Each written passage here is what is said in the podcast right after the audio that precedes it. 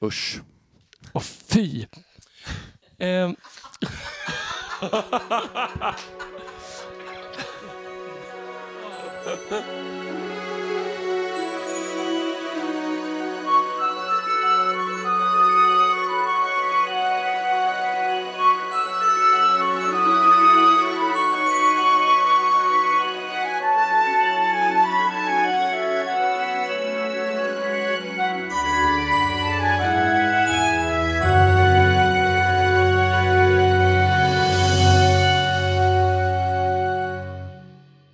Välkomna till fjärde avsnittet av Tolkienpodden. Den här gången tar vi tag i filmatiseringar av Tolkiens verk. Och det här kommer att bli ett dubbelavsnitt, så femte avsnittet kommer också handla om olika filmversioner av The Hobbit och The Lord of the Rings. Vi kommer att diskutera ganska många olika aspekter av filmerna, till exempel casting, vilka händelser från böckerna man har valt att ta med och klippa bort, hur de ser ut estetiskt eller visuellt och många andra saker. Så vi kommer att jämföra filmerna på många olika sätt och prata lite om hur de gjordes och vad vi tycker om dem förstås. Precis som alla tidigare avsnitt så har jag två personer med mig Elisabeth Bergander. och Daniel Möller. och jag heter Adam Westlund. För den som inte är jätteinsatt i det här ämnet så finns det kanske förvånande många filmatiseringar av Tolkiens verk faktiskt. Så därför tänkte jag att vi, att vi skulle börja med en liten historik över de olika filmer som har gjorts. Berätta lite om dem och bara ge en kort introduktion så att ni vet vad vi pratar om när vi sen börjar jämföra dem med varandra. Historien om eh, Tolkien-filmatiseringar börjar faktiskt redan 1957 då Tolkien får ett förslag från ett filmbolag om att göra en filmatisering av Lord of the Rings. Och Det är en person som heter Zimmerman som eh, verkar ha skrivit manuset, i alla fall honom som Tolkien refererar till i ett brev till de här producenterna som han skriver. Och eh, Tolkien var först till en början positivt inställd när han fick se lite bilder från hur de hade tänkt sig att designa det här. Men sen när han läste manuset så blev han mäkta upprörd och vred. En av de grejer han var mest arg på var det här att han tycker att de använder örnarna som taxi, som vi nämnde när vi pratade om örnarna förut. Att han tycker att det stoppas in överallt och det borde vara någonting som är ganska sparsmakat. Och sen stör han sig väldigt mycket på att de använder olika typer av magi och förtrollade slott då sånt där sagoelement som han inte alls tyckte passade tonen i berättelsen. Och han tyckte att fokus hamnade för mycket på stridsscener och för lite på ringbärens resa för att förstöra ringen. Så dels var det manuset som han var arg på och sen tyckte han också att han fick för lite pengar så det blev ingenting av den här filmen helt enkelt. Sen i slutet av 60-talet så bestämmer sig Tolkien för att sälja filmrättigheterna till United Artists. Och då är det för att han, eh, inte för att han helt plötsligt vill se massa filmer av sitt, sina verk utan för att han ska starta en fond för att spara pengar till sina barnbarn.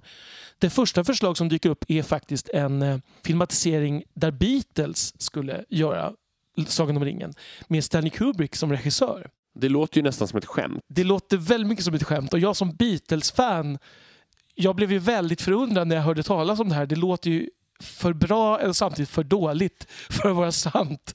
Att Beatles och Tolkien, den kombinationen är inte helt 100% kan man säga. Nej. Så man tänker att det här är troligen då 1969 ungefär, eh, att de skulle göra en, en filmatisering. Och de hade redan rollbesatt sig själva i den här filmen. Eh, där Paul skulle spela Frodo, Ringo skulle vara Sam, George skulle vara Gandalf och John skulle vara Gollum. John som Gollum hade jag kunnat köpa. Det hade varit intressant faktiskt med hans sarkasm och sånt där. Men eh, det här blev ingenting av. Det var ju, Beatles splittrades ju i den här vevan också så det var väl inte helt sannolikt. Men det var också för att Stanley Kubrick insåg att det här gick inte att göra rättvisa i en film. Så att han var alltså så djupt inne i projektet att Ja, han tackade nej till, till förslaget vad jag förstår. Det hade varit väldigt intressant att se men jag är nog samtidigt glad över att Beatles och Tolkien fick gå sina separata spår. En intressant tanke hade ju varit om de hade gått- gett sig på att försöka göra det till en musikal då. Peter Jackson han har bekräftat de här rykten. Han hade pratat med Paul McCartney någon gång och eh, eh, Peter Jackson sa att vi gick ju miste säkert om en hel del bra sånger men jag kan ändå tycka att det kanske var värt det. Och Nästa försök efter Beatles, det var ju inte så jättelångt efter. Det var någon gång under 70-talet så blev regissören John Borman kontaktad av United Artists som hade filmrättigheterna och ombedd att göra eh, en filmversion. Och han är kanske mest känd för att ha gjort Deliverance eller Den sista färden lite senare under 70-talet. Den filmversion som han tänkte sig var, förhöll sig minst sagt ganska fritt till Tolkien. Alltså en grej som lyser med sin frånvaro i Tolkiens verk så är det ju sex. Och det finns det ganska mycket av i det manus som finns bevarat. Precis. Exempelvis så helar väl Aragorn Eowyn med sex efter slaget vid Pelennor. Ja, och Galadriel har sex med Frodo eh, när hon visar sin ring för honom. Man kan säga på många sätt så var väl tanken att den skulle vara lite också 70-tals psykedelisk skulle man kunna säga. Mm, verkligen. Mycket verkar vara ganska drömlikt och framförallt efter mitten av storyn så så beskriver de själva att de började improvisera och, och ta bort jättemycket och lägga till eget i tanken. Eh, och manuset blev ju klart. Sen så blev det ju aldrig någon film och det hade vad jag förstår huvudsakligen ekonomiska eh, orsaker. Men mycket av de här, den här tematiken som eh, de gick in på i manuset, John Borman här, det använde han sen eh, när han gjorde sin tolkning av kung Arthur-sagan i Excalibur. Från 1981 då. Och det är ju en väldigt konstig Arthur-tolkning på samma sätt som det här skulle vara en väldigt undlig Tolkien-tolkning kan man säga. Men å andra sidan, Arthur-sagan är ju mer en eh, allmänt spridd myt så det, Ja. kanske man hade, det köpte man nog Det på är ett mer annat sätt. gods kan man säga. Och därmed lämnar vi Tolkien-filmatiseringar som inte blev av och går in på filmer som faktiskt finns. Men även här tror jag att det finns en, en del filmer som inte så många har hört talas om. Till att börja med så har vi en amerikansk version, en tecknad version av The Hobbit som gjordes för tv 1977 av eh, bolaget Rankin Bass. Och eh, det var faktiskt en japansk firma, eh, Topcraft, som gjorde själva tecknandet. Och Topcraft var föregångare till Studio Ghibli som gjort väldigt många kända japanska animerade filmer som Spirited Away och Min granne Totoro.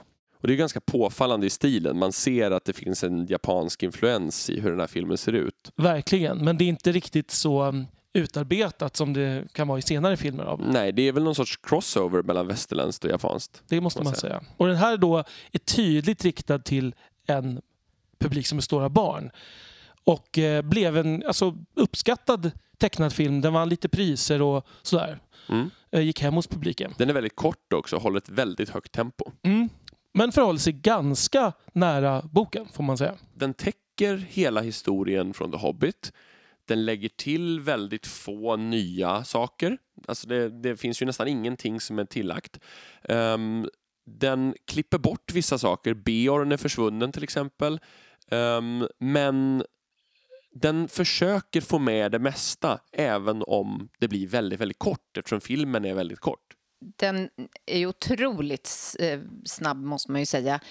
Eh, man stannar väl till exempel i Rivendell i ungefär fem sekunder, om jag minns rätt. Alltså många delar går fort förbi, men man får tänka att det är en, den är så tydligt riktad till barn. Så att man får ta den ganska mycket för vad den är, upplever jag. Att det är en barnfilm, tecknad barnfilm från slutet på 70-talet som råkar vara byggd på en bok av en författare som vi nu uppskattar väldigt, väldigt mycket. Men som i det här fallet har skrivit en barnbok. Exakt. Um, om man skulle kunna lyfta temat som den här filmatiseringen tar fram så är det någon slags pacifism nästan som på något sätt genomsyrar. Det känns som att det är sensmoralen eh, när man kommer fram till slutet. Att Bilbo drar sig undan det här stora slaget medvetet och eh, säger att han förstås inte på krig. Och sen när Thorin dör så är det på något sätt det som han också anknyter till. Han har fått insikten att Bilbo hade rätt om att våld var dåligt Mm. ungefär. Och det finns ju också en väldigt stark antivålds inställning hos de som har gjort den för att alla svärdshugg blir bara som så här stjärnsmällar och folk flyger baklänges och snurrar runt när de dör och det är aldrig någon som dör på ett något obehagligt sätt alls. Nej, men överlag kan man väl säga att den är ganska trogen boken faktiskt. Det skulle jag faktiskt också säga. Efter detta kommer vi till den tecknade version som kanske flest har sett, skulle jag misstänka. Ja, I alla fall i Sverige. och det är en eh, långfilms, alltså en biofilm. Den här The Hobbit var ju en tv-film. Det här är en biofilm. Och den gjordes alltså av Ralph Bakshi. Och det är en tecknad film men där man använde skådespelare och sen tecknade över filmrutorna kan man säga. Ralph Bakshi är för övrigt annars mest känd för eh, kultrullen kan man nästan säga, Fritz the Cat, som är en annan tecknad film. Man kan säga att det är första halvan av The Lord of the Rings som löper från berättelsens början fram till Helms Deep och sen så tar det slut. Det verkar som att tanken var att det skulle bli två filmer men det blev aldrig någon fortsättning.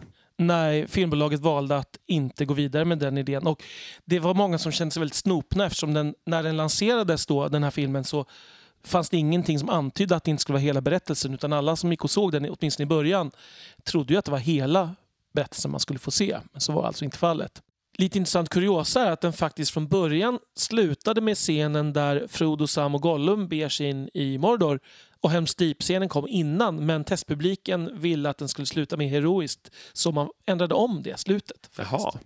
Den här filmen är väl väldigt 70-tal skulle man väl kunna säga. Håller ni inte med mig om det? Det är väldigt mycket psykedeliska färger. Det är väldigt mycket utspejsat. Man fattar inte riktigt vad som händer. Det är lite min bild av 70-talet i alla fall.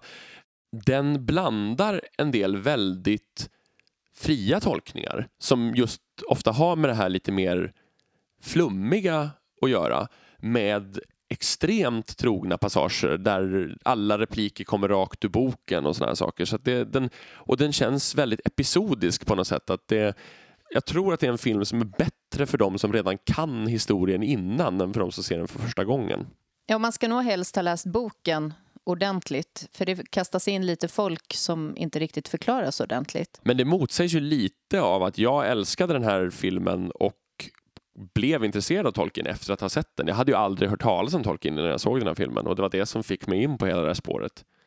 Ja, och eh, bolaget Rankin Bass som gjorde The Hobbit, de gjorde ett par år senare nu efter Bakshis film en version av Return of the King, alltså sista boken i trilogin.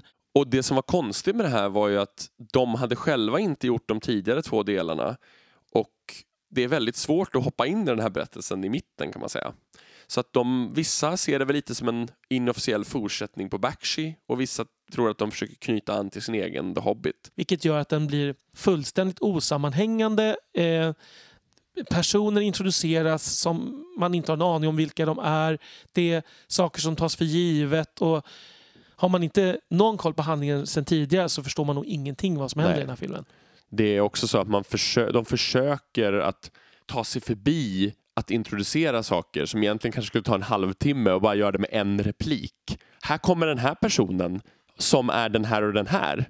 Och sen så är de, ska, de, ska man på något sätt känna något för dem. Och jag tycker också att de lånar en del av Bakshis psykedeliska, flummiga passager också och lägger in i det här. Och dessutom en hel del sånger, vilket i och för sig också var med i The Hobbit. Men det känns mer passande med sånger i The Hobbit det än fungerade bättre. Det är, det är en del väldigt intressanta manskörer som jag lite så här kärlekshatar. För det, de, de är väldigt klatschiga på något sätt. Ja, de är men- trivsamma Ja. men de passar inte riktigt in Nej. med Tolkien.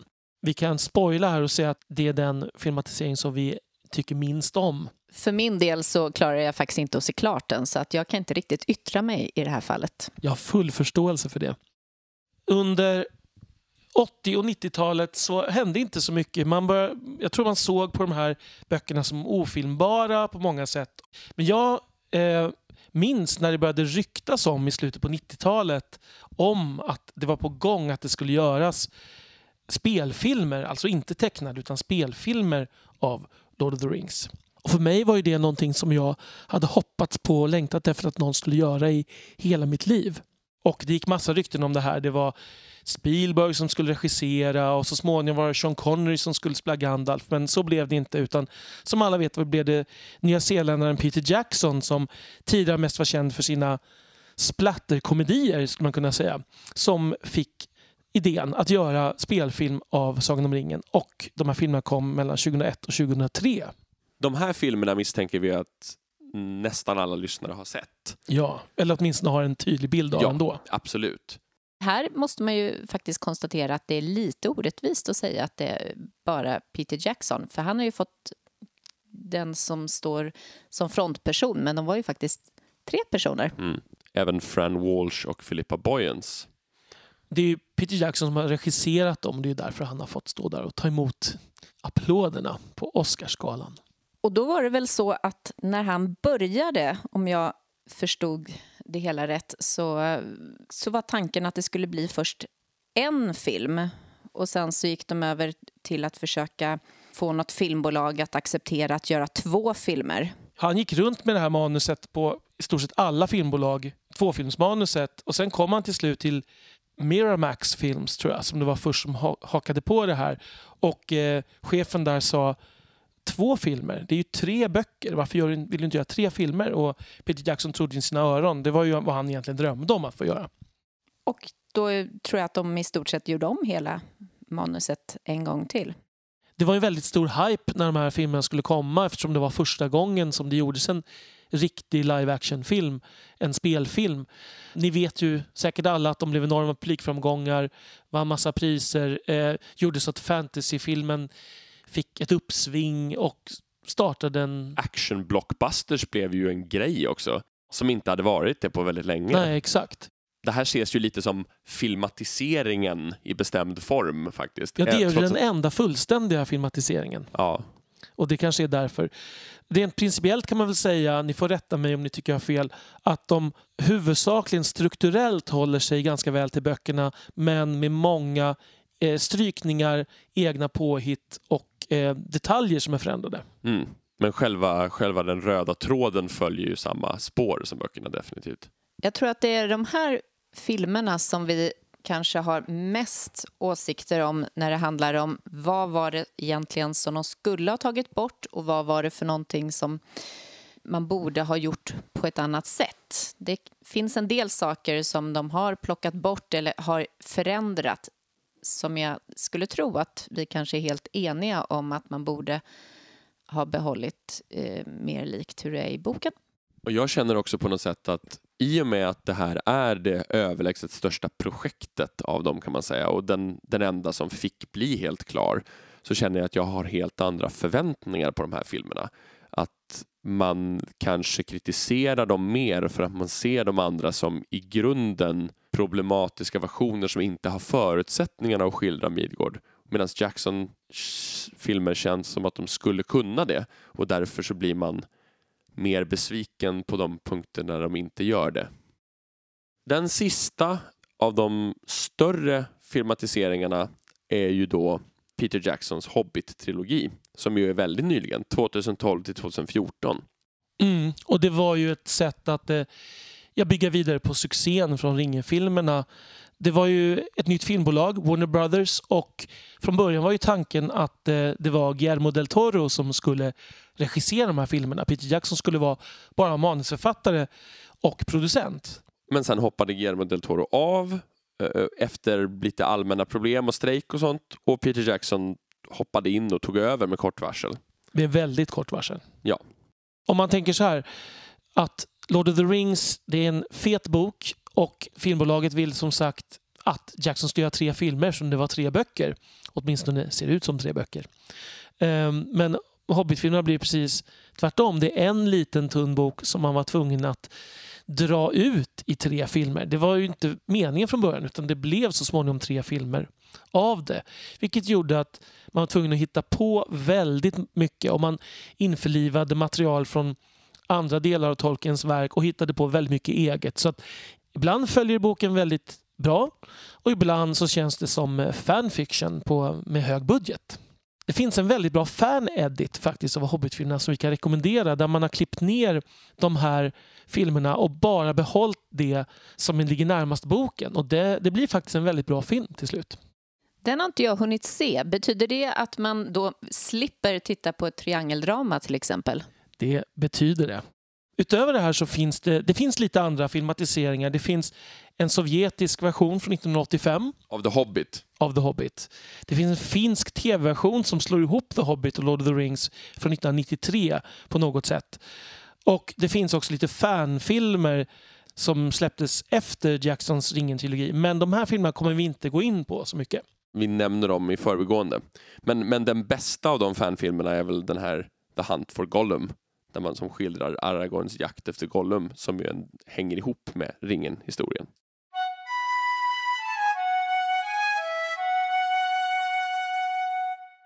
Om vi då ska börja med att titta lite på personerna så finns det ju faktiskt en som återkommer i precis alla filmatiseringar.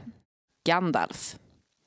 Vad säger vi egentligen? Hur har han skildrats på de olika varianterna av filmer som finns? Gandalf är ju redan i Tolkiens skrivande en mångfacetterad person som har visar olika karaktärsdrag och befinner sig på olika nivåer kan man säga. När han skojar med hobbiterna i, i Fylke och, och skjuter fyrverkeripjäser eller när han slåss mot Naskulernas kung där så är det ju det är olika eh, nivåer. Och man kan säga att olika filmatiseringar tar fram de olika nivåerna på olika sätt. Det blir väl lite grann så, i alla fall nu, att Ian McKellens Gandalf är ju på något sätt måttstocken för, för alla Gandalfar. Och där måste ju jag personligen säga att jag tycker att Ian McKellen är en fantastisk Gandalf, faktiskt. Det håller jag helt med om. Uh, Ian McKellen är en av de saker jag tycker bäst om i hela Jacksons tolkning av Midgård. Men jag måste också säga att jag tycker att de flesta av de här filmatiseringarna har lyckats bättre med Gandalf än med det mesta annat. Mm, jag håller med. Även i Rankin Bass-filmerna så funkar Gandalf väldigt bra både på något sätt teckningsstilen men även skådespelaren som jag tror heter John Huston funkar väldigt bra. Trots att han har en amerikansk accent, vilket ju alla har i princip ja, i de och, filmerna. Och i, mång, i många andras fall så är jag helt allergisk mot den amerikanska accenten men det funkar på något sätt med honom. Mm. Han är också berättarrösten mm. i Rankin Bass-filmerna. Och eh, Ian McKellen som teaterskådespelare är han de stora gesternas man men han har ju även det här lilla, lilla glimten i ögat och subtila delar av rolltolkningen också. Precis, jag. jag tycker att hans stora styrka är ju att han lyckas förena i en karaktär den mjuka, snälla farbrorn som ser genuint gosig ut i Fylke när han leker med hobbitbarnen och skjuter ut fyrverkerier och samtidigt vara trovärdig på Kassadomsbro och, och, även den här scenen när han pratar med Pippin i Return of the King som kanske är, tycker jag, en av de finaste scenerna faktiskt. Det är kul för han ljuger ju för Pippin. Det, det är så här, han ger Pippin falskt hopp om något han aldrig kommer uppleva. Det tycker jag är spännande. Men jag tolkar det som att i, i den här versionen, just här, så ljuger han inte utan han berättar om någonting annat metafysiskt. Såklart, det är bara jag som är bokstavstrogen. Precis. Bakshish Gandalf, även han ganska lyckad. Det är möjligen där att den animationsstilen är han ju väldigt flaxig. Ja, och men gestikulerar väldigt vilt. Men han, rösten funkar bra. Jag tycker att det ligger ganska nära Hobbitens Gandalf. Mm. Som är lite mer liksom onyanserad och en ganska, på ett sätt en lite skojig figur faktiskt. Gandalf blir lite sån i, med det kroppsspråket. Jag vet att Ian McKellen sa att det var mycket roligare att spela Gandalf grå än Gandalf vit. Och det kan jag förstå. Han verkar ha roligare med Gandalf Grå i Lord of the Rings för att det är mer karaktär där. Lite mer... Gandalf Grå är mycket mer av en människa. Alltså Gandalf Vit är ju en arketyp. Man kan ju också säga att Ian McKellen faktiskt var den enda skådespelaren som nominerades för en Oscar i hela eh, Peter Jacksons filmatiseringsprojekt. Och det tycker jag känns rätt så rätt faktiskt.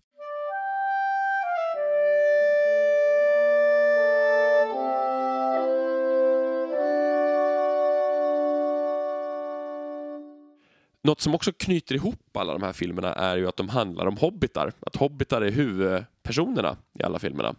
Och de tänkte vi att vi kan kanske hantera lite som grupp. Jag tycker ju inte jättemycket om skildringen av Frodo hos de flesta. Frodo framställs ofta som alldeles för ung i mina ögon. Eh, och framför allt kanske hos Ralph Bakshi där han ser ut som en liten pojke. Men även Elijah Wood tycker jag ser alldeles för ung ut. Däremot så gillar jag verkligen skildringen av Bilbo hos Jackson. Både Ian Holmes Bilbo och eh, Martin Freeman. När det handlar om Frodo så var det väl så att eh, skådespelaren Elijah Wood, han var väl knappt 20 när han spelade in, eller började spela in rollen han ska ju föreställa, åtminstone för oss som gillar böckerna, att han är runt 33. Sen finns det väl en diskussion om det är så att han ska vara 33 eller snarare kanske 50. Alltså i boken så är han ju 33 i början av historien och sen går det en massa år. Vi kanske ska säga att hobbitar blir myndiga vid 33 års ålder. Ja, så De vi, har- får, vi får tänka oss kanske en annan åldersutveckling på Exakt. utseendet. Men det som händer i Peter Jacksons version är att man har strukit väldigt många år Mm. som eh, i böckerna gör att i, så att i filmen är han i princip precis blivit myndig när han ger sig ut. Mm. Eftersom man har tagit bort eh, väldigt många år. Precis, Gandalf är borta väldigt många år i böckerna och kommer tillbaka sen till Frodo och det är då först då handlingen kommer igång ordentligt. Jag tycker ju generellt att hobbitarna är bäst skildrade i Peter Jacksons version. För att i Backshire, det är inte bara så att eh, det är Frodo som ser ut att vara liten pojke utan i princip alla ser ut att vara små pojkar utom Sam som ser ut som en liten trolltant. Så det är ju så att de, de tas på mer allvar skulle jag ändå säga i, i Peter Jacksons version. Framförallt stackars Sam som får ha en stor enorm potatisnäsa i samtliga tecknade versioner. Det jag har lite svårt för när det handlar om ålder och hobbitarna är just det här med att Frodo är väldigt ung och Sam eh, har inte riktigt proportionerligt eh, följt den ålderskurvan.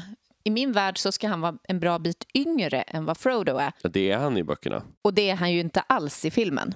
I Backshires tecknade version så är det ju så att de är Förutom Sam då, väldigt lika de här hobbitarna. I eh, Peter Jacksons version, av naturliga skäl som det är olika skådespelare, så får de mer av en egen personlighet. I Rankin och Bass så är ju inte hobbitarna så lika faktiskt. Däremot så är de misslyckade på mer eller mindre andra Ja, sätt. jag, jag, jag skulle säga att Pippin i Return of the King är bland de värsta, Den tecknade alltså. ja, tecknade Return of the King är bland de värsta skildringar jag har sett. Han pratar dessutom som att han kommer från amerikanska mellanvästern.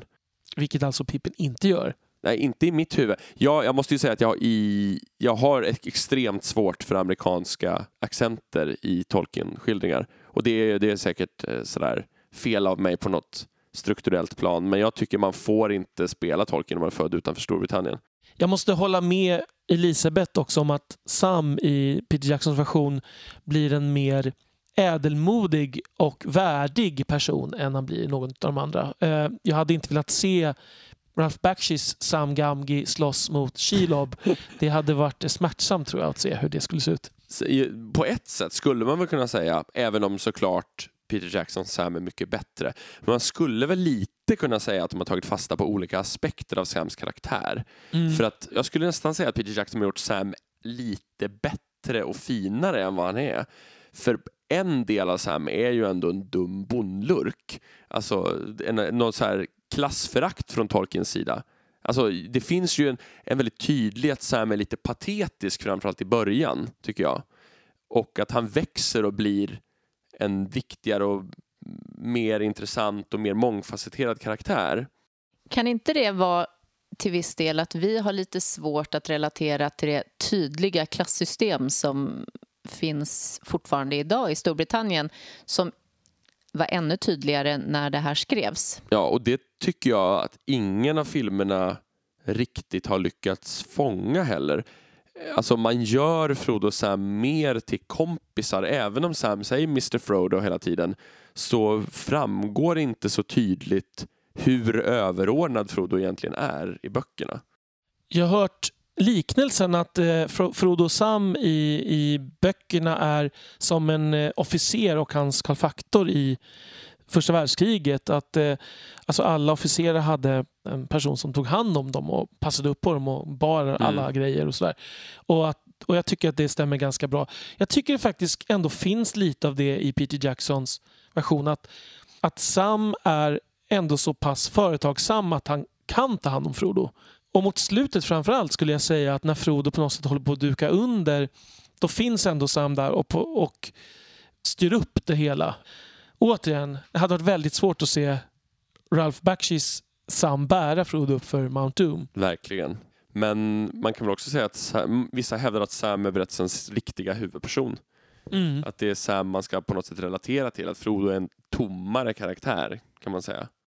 Mary Pippin introduceras ju i eh, Peter Jacksons filmer genom att de stjäl fyrverkerier och eh, sätter fart på det hela. Och även om jag tycker att det stämmer ganska bra med min bild av Pippin så tycker jag inte att det riktigt funkar med min bild av Mary Det är lite märkligt därför det är som att tolken själv inte riktigt är konsekvent. För han säger ju att Mary kallas för Mary för att han är så munter och glad. Medan det i böckerna är ju Pippin är ju den mer muntra och glada och Mm. Mary är den mer ansvarstagande. Men, det, men samtidigt så är det då Mary som har det smeknamnet. Ja, det har jag faktiskt aldrig reflekterat över, men det har du helt rätt i. Kan inte det ha något att göra med att det ska finnas en viss åldersskillnad mellan de två också? Pippin är väl snäppet yngre? Mm, det stämmer. Jag minns också att det var väldigt mycket diskussioner om varför pratar Pippin skotska i Lord of the Rings av Peter Jackson. Det, det beror förstås på att Billy Boyd var från Skottland. Men ehm, Elementary, my dear Watson. det är, Pippin. Men eh, jag kan säga att jag störde mig inte så mycket på det. Det som jag brukade argumentera för på den tiden det begav sig i olika forum, det var att det hade egentligen varit mer logiskt om Mary hade varit den som hade pratat en annan dialekt eftersom han faktiskt är från Mm. det mystiska Bockrike Precis. som eh, ses inte med blida ögon riktigt Nej, av det är mest knepigt folk där. Precis, så skottar alltså.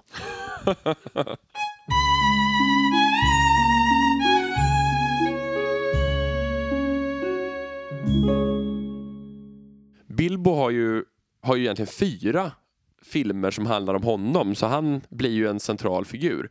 Jag tycker ju kanske att Martin Freeman ser inte riktigt ut som jag tänker mig Bilbo i, ut, i utseendet.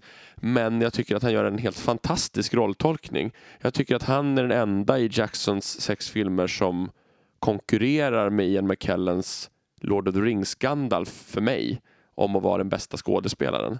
Det som var synd med hans The Hobbit var att Bilbo fick så lite eh, speltid. Men i den här fanediten som vi har rekommenderat tidigare, där har man klippt bort väldigt mycket av det andra. Så då inser man också hur mycket Martin Freeman faktiskt är med i filmen. Han får ju proportionellt mycket, mycket mer plats där. Ja, Här tycker jag faktiskt att den tecknade barnfilmen, det är lite för mycket parsfrisyr och sådär, men, men de har ändå lyckats någorlunda med skildringen av Bilbo, tycker jag, även i, i Mm. Brankin Bass version. jag håller med. Jag tycker att det är en trovärdig... Just att det är en barnfilmsversion Mm. av Bilbo. Det funkar bra. Jag är också som... Jag är väldigt förtjust i Ian Holm, både som Bilbo men i princip allt som Ian Holm har gjort är väldigt bra. Så om ni ser att Ian Holm är med i rollistan, titta för att han är alltid sevärd. Det som gör att det blir lite problematiskt, tycker jag, med de här två briljanta skådespelarna så är det ju att ringen ska ha funnits i eh, Bilbos ägor från att han hittar den tills han lämnar över den. Och under den perioden ska han ju faktiskt inte ha åldrats. Eh, det har han ju ganska uppenbarligen gjort i de här filmerna. Det är sant. Både Bilbo och Frodo ska egentligen vara medelålders när de, när de eh, beger sig ut på äventyr. Det är lite grann anledningen. Det är en slags 40-årskris eh, kan jag då säga som precis fyllt 40. Att man vill ge sig ut i världen kanske. Och eh, det blir ju då inte riktigt så med eh, Elijah Wood som Frodo som vi redan varit inne på. Nej, han eh, sticker ju väldigt snabbt där eh, i Peter Jacksons film och man, man har plötsligt inte bara gjort honom eh, tio år yngre som, genom att ta ner honom till 20 istället för 33 utan sen har man dessutom kastat ut honom direkt på äventyr. Då är han ungefär hälften så gammal som han ska vara alltså, i utseendet. Han, mindre än hälften så gammal. Jag tycker ju att Elijah Wood är en felcasting, faktiskt. Jag tycker att han är en sådär skådespelare och att han inte riktigt passar för rollen som jag ser Frodo. Jag tycker han är en av de sämre skådespelarna i Ringen-trilogin. Framförallt så var han ju väldigt ung. Jag tror han kanske hade varit rätt om det hade varit senare i hans liv. Det är mycket möjligt. Mm. Sen är det inte hans fel att Nej, han har inte. ett och samma ansiktsuttryck av lidande under en väldigt stor del av filmen. Ja, det kan ju delvis vara hans fel. Det, det är något man kan träna på. Jag menar, Vissa skådespelare kan bara spela en sak, andra kan spela många saker. Elijah Wood kan mest spela bajsnödig. Jag tycker att Elijah Wood funkar bra i vissa scener ska jag säga. Jag tycker han funkar väldigt bra när eh, han möter Gandalf i Fylke i de första scenerna. Det är sant. Det, men det är svårare att se honom på uppdraget tycker jag. Mm. Men det finns några scener. Jag, jag blir till exempel alltid väldigt berörd efter att Gandalf har dött i Morias gruvor och Frodo har gått iväg. Eh, jag tycker den, när han vänder sig om där så får jag lite knip i hjärtat. Och jag tycker också de allra sista scenerna där han lider som mest tycker jag han funkar väldigt bra i också. Ja, det kan jag köpa faktiskt. När han nästan är på Via Dolorosa, gör en Mm. Kristusvandring med korset. Ja, precis. Och det här är ju kanske på något sätt de allra mest centrala karaktärerna. Det finns ju ganska många olika personer att prata om. Men jag tänkte så här, om vi nu ska prata om vilka karaktärer har gjort mest avtryck, både positivt och negativt, från de här olika filmatiseringarna för, för oss. Har ni några exempel som poppar upp i huvudet på en gång? Ska vi börja med några som vi tycker är, är väldigt bra? helt enkelt? Vi Det kan börja med att lista några bra. positivt. Här kanske vi kan komma att tycka lite olika, men utav de som har gjort mest positivt intryck på mig i Peter Jacksons filmatisering, nu kommer jag säkert glömma några. Det är, förutom de vi redan har nämnt, så vill jag säga eh, Kate Blanchett som Galadriel. Jag vill säga Bernard Hill som Theoden. Jag vill säga Sean Bean som Boromir. Jag håller med. Framförallt tycker jag att eh, Galadriel är riktigt, riktigt eh, mitt i prick. Den som jag tycker är bra och inte bra samtidigt, förutom de som har nämnts, är just Viggo Mortensens Aragorn. Och jag tycker han är fantastisk som vidstige, Strider. Och jag tycker han är usel i eh, Return of the King som eh, kung. Han ser inte alls ut som jag tänker mig. Nej. Jag tycker ju att Viggo Mortensen, precis som du säger, gör en väldigt bra rollprestation som vidstiger, fast jag tycker han ser helt fel ut. Jag hade aldrig castat Viggo Mortensen. Han ser precis ut som jag tycker han ska se ut. Ja, men så står det ju inte i boken, så att det, det kan du ju få bestämma om du vill. Jag tänker också på eh, i The Hobbit så är det två av dvärgarna som jag tycker är väldigt bra. Det är bland annat Ken Stott som Balin och Graham McTavish som Dvalin som jag tycker funkar väldigt bra. Dvalin är ju en väldigt speciellt utseende, så det är ju intressant att du gillar Dvalin, tycker jag. Mm. För att Balin ser ju mycket mer ut, alltså traditionell dvärgtolkning. Men Dvalin har ju en lite mer Rambo-aura över sig kan man säga. Jag tänker nog framförallt rollprestationsmässigt, skådespelarmässigt. Jag håller med Daniel i alla de han tog upp. Eh, Det är nog de tre jag tycker är bäst. Eh, Sen så gillar jag också Miranda Ottos Eowyn eh, ganska mycket. Inte riktigt lika mycket som de där tre, men jag tycker huvudsakligen att hon tolkar min Eowyn.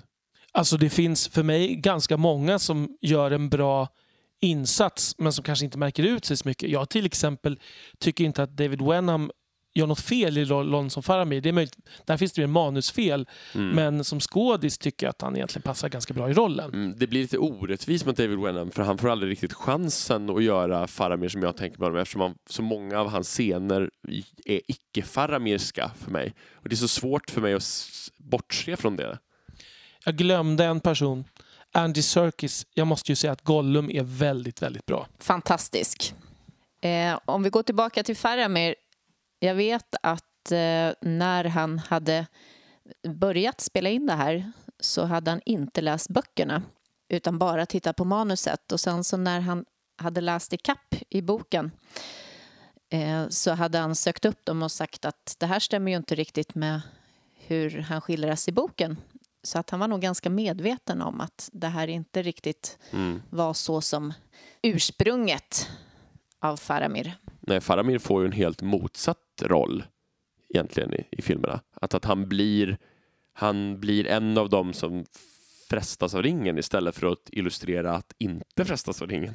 Och det var något de gjorde medvetet för att verkligen visa hur eh, ringen hade enorm påverkan på allt och alla.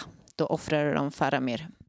Om man går över på de tecknade filmerna, eh, där får man ju tänka dels på teckningsstil och röstskådespelaren såklart. Mm. Alltså röstmässigt så är jag ju, alltså John Hurt som Aragorn, John Hurt är ju alltid bra. John Hurt är bäst. John Hurt är Ja, han och Ian Holm är nog mina två favoritskådespelare nästan. John Hurt gör allt fantastiskt. Exakt. I övrigt, röst, det är ganska många bra röstskådespelare skulle jag säga i Bakshi's film. Även i Bakshi's film så är ju Gollums röst väldigt, väldigt bra. Det är ju Peter Woodthorpe heter han. Han fick den äran sen att göra Gollum en gång till i BBCs radio och teaterversion för att han imponerade så mycket i den här filmen. Jag tycker ju också, eller jag tycker det känns som att Peter Jacksons Gollum är ganska inspirerad av Ralph Bakshies Gollum. Verkligen. För de är ju, de är ju rätt lika varandra. Om man jämför med till exempel Rankin Bass Gollum så är den fullständigt annorlunda. Både i karaktären och i utseendet. Mm. Som ser ut som en uppsvälld grön groda. Ja. Kermits nedknarkade bror. Ungefär så. Men apropå karaktärer som jag tycker är bra i de tecknade filmerna. Vi har ju redan nämnt till exempel Bilbo och Gandalf eh, som funkar bra i eh, The Hobbit av Rankin Bass. Jag tycker att i Return of the King finns det väl, av eh, Rankin Bass finns det väldigt få karaktärer som funkar bra utseendemässigt. Jag kan inte komma på någon så här på rak arm utom Gandalf som vi redan har nämnt. Och i Bakshies så är jag är ganska svag för Ralph Bakshies film. Det kommer ni märka. Jag är överlägset mest positiv av oss tre till den. Jag gillar eh, in, verkligen inte alla designval men jag tycker till exempel att Gimli är otroligt mycket bättre hos Ralph Bakshi både utseende och röstmässigt än hos Peter Jackson. Och framförallt karaktärsmässigt där han är mördad av Peter Jackson. En intressant kuriosa till att i Bakshies film så är ju är ju Anthony Daniels som spelar Legolas som gör C3PO i Star Wars-filmerna. Då kanske det kanske vi ska gå in på dåliga för ni märkte kanske att jag inte tyckte det var helt fantastiskt hur Gimli skildrades hos Peter Jackson. Jag tycker ju att det finns ett par karaktärer som inte är så bra hos Peter Jackson. Jag tycker att de två sämsta i Ringen-trilogin med god marginal är Gimli och Denethor. Och det har jag nämnt förut i olika sammanhang. Gimli blir en comic relief, en roll han inte har överhuvudtaget i böckerna. Och Denethor blir, förlorar hela sin subtila dubbelhet där han är en stor man med goda intentioner som slåss mot ett inre mörker. Jag tycker bara att han blir en ganska undlig negativ galning. Jag tycker att det är väldigt synd när det handlar om Gimli för utseendemässigt så tycker jag det faktiskt är ganska bra casting. Eh, han ser faktiskt precis ut som jag tänker mig Gimli. Ja, och John Rhys Davis är inte en dålig skådespelare. Han hade kunnat spela den där rollen bra, tror jag. Absolut. Men det beror ju på manus och regi. Eh, andra som kanske inte är fantastiska. Så jag tycker att Orlando Bloom har en lite otacksam roll. För han får alltid stanna upp och säga kvasifilosofiska repliker och skåda ut i fjärran. Det är hans enda funktion i de här filmerna i princip, förutom konstiga actionstunts. Å andra sidan Legolas en väldigt blek figur i böckerna. Jag vet att Tolkien själv sa att Legolas var den som uträttade minst av brödraskapet. Han springer ju jättefort. Och så skulle Orlando Bloom se söt ut för att attrahera 14-åriga tjejer till filmerna också. Och det lyckades han ju faktiskt med. Extremt Verkligen. bra med. Orlando Bloom står för 20 procent av intäkterna.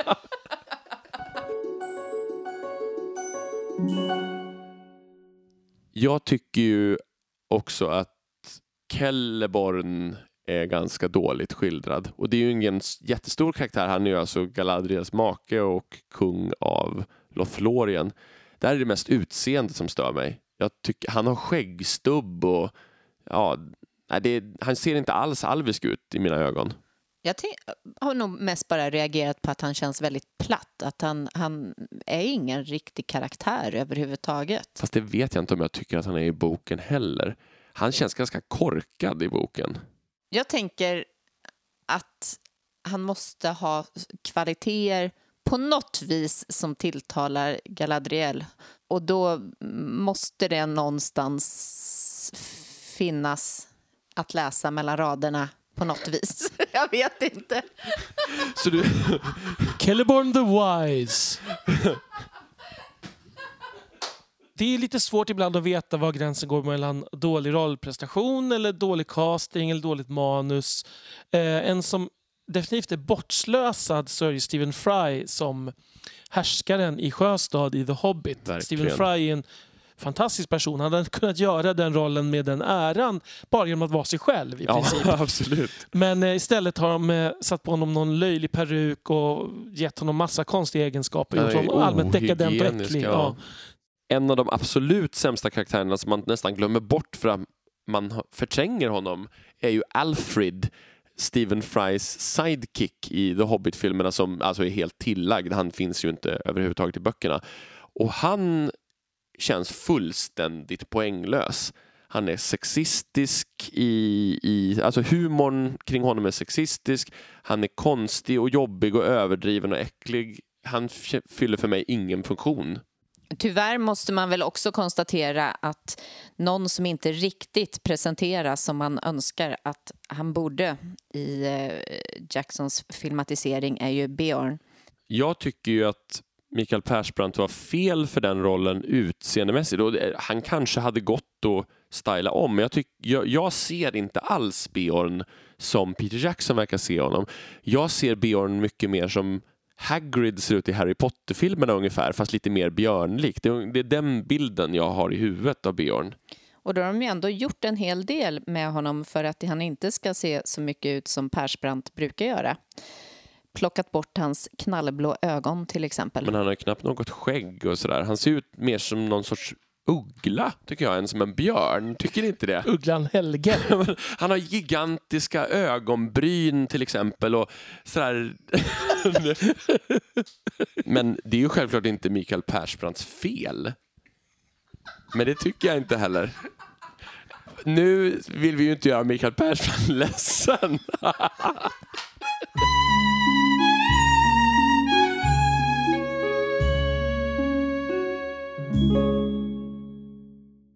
Där får vi nog försöka knyta ihop säcken. Vi hoppas att ni har uppskattat avsnittet. Och eh, nästa gång då tänker vi gå in lite djupare på hur filmerna är uppbyggda och eh, vad man valt att ha med i manus och eh, jämföra filmerna på lite olika sätt. Vi har sen sist också skaffat en mejladress för podden och vi ser gärna att ni hör av er om ni har frågor eller feedback eller någonting annat som ni tänker på som ni skulle vilja ta med oss.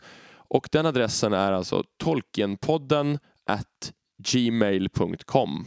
Ja, och med de här orden så återstår det bara att säga tack så mycket, på återseende och hej då. Hej då! Hej hej!